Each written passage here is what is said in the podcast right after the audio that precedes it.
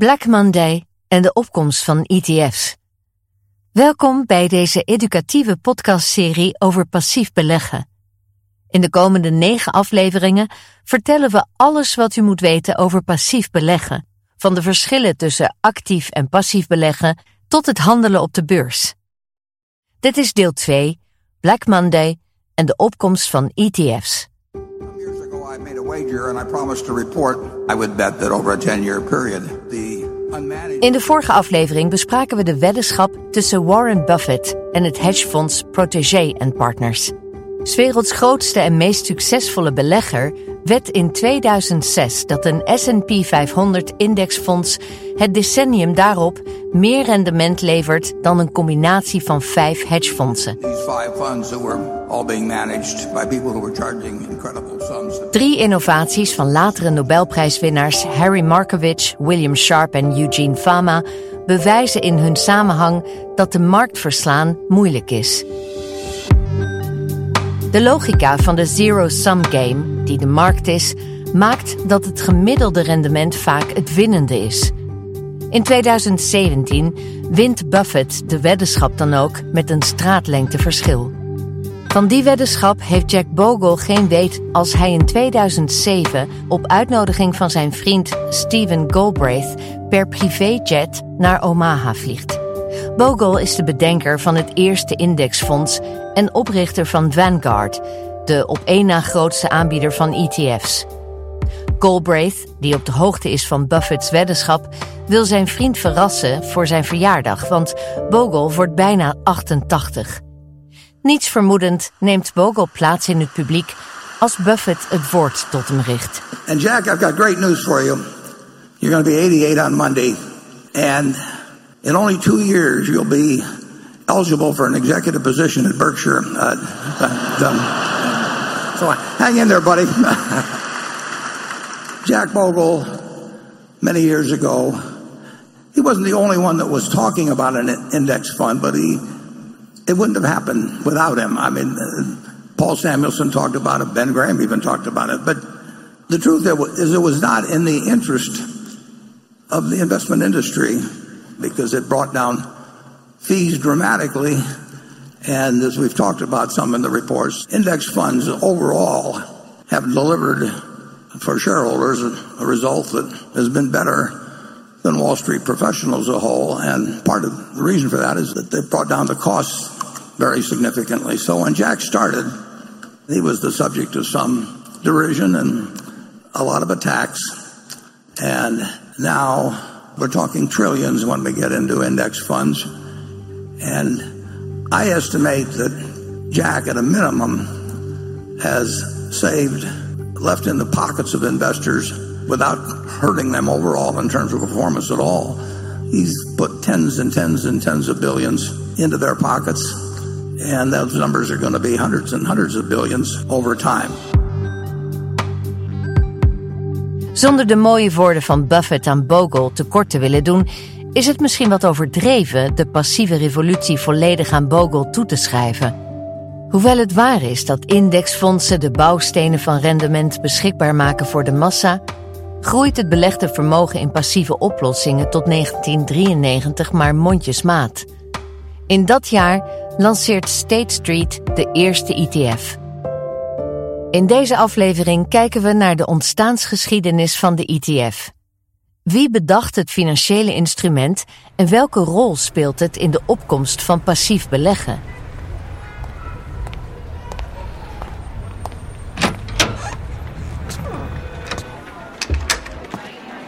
Het is 1977 als Nate Most het hoofdkantoor van Vanguard in Philadelphia binnenloopt voor een bezoek aan Jack Bogle, de markante oprichter van Vanguard.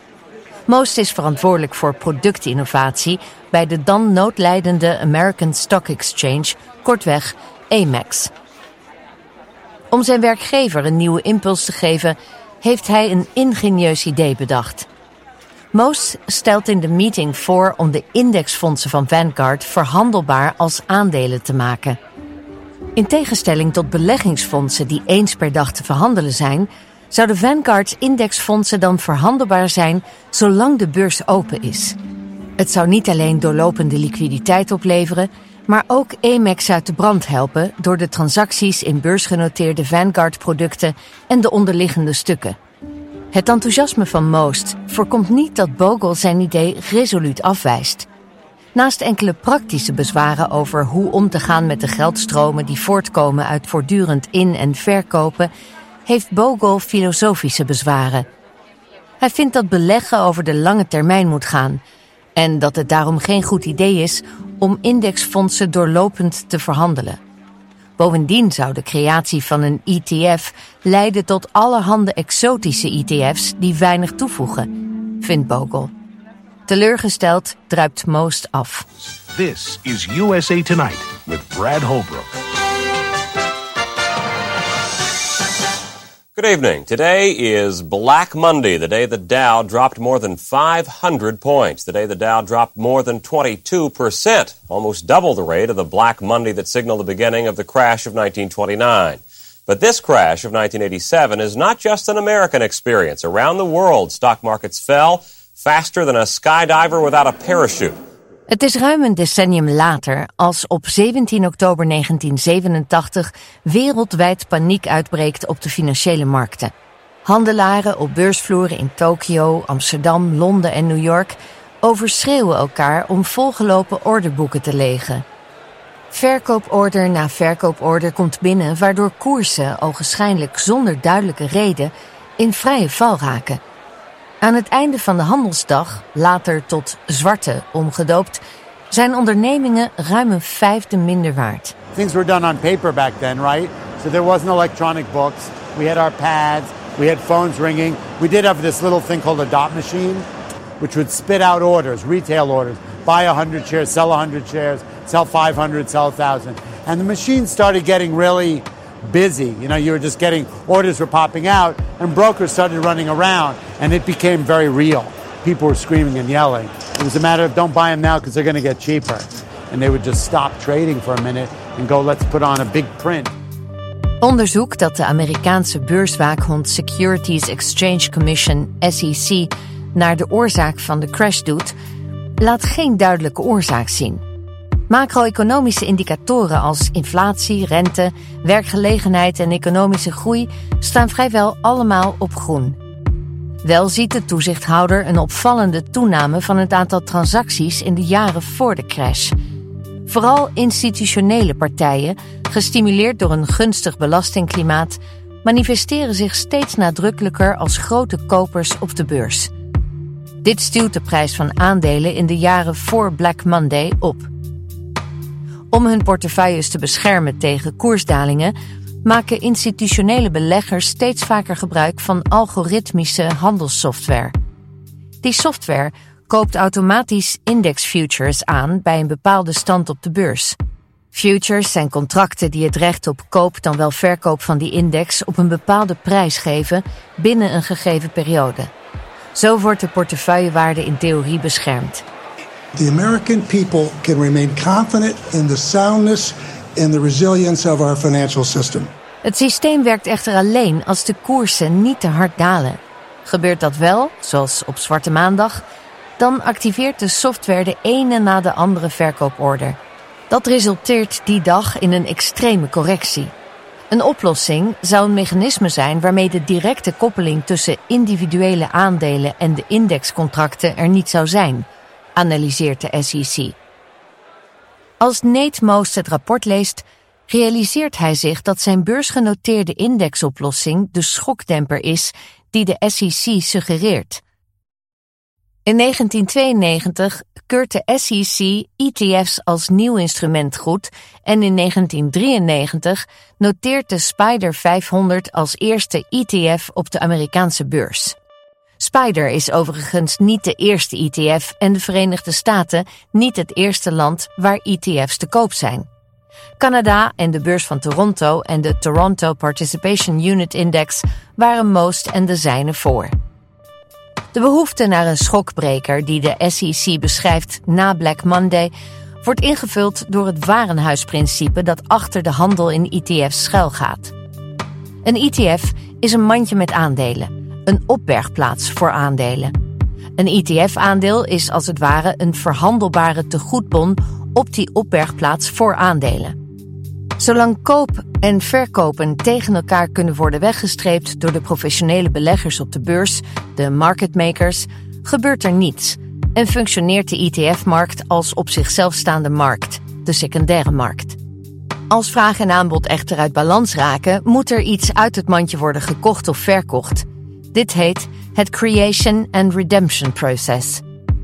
Hoewel indexfondsen de eerste drempels slechten door beleggers tegen lage kosten toegang tot gespreide portefeuilles te bieden, democratiseert de ETF de markt pas echt.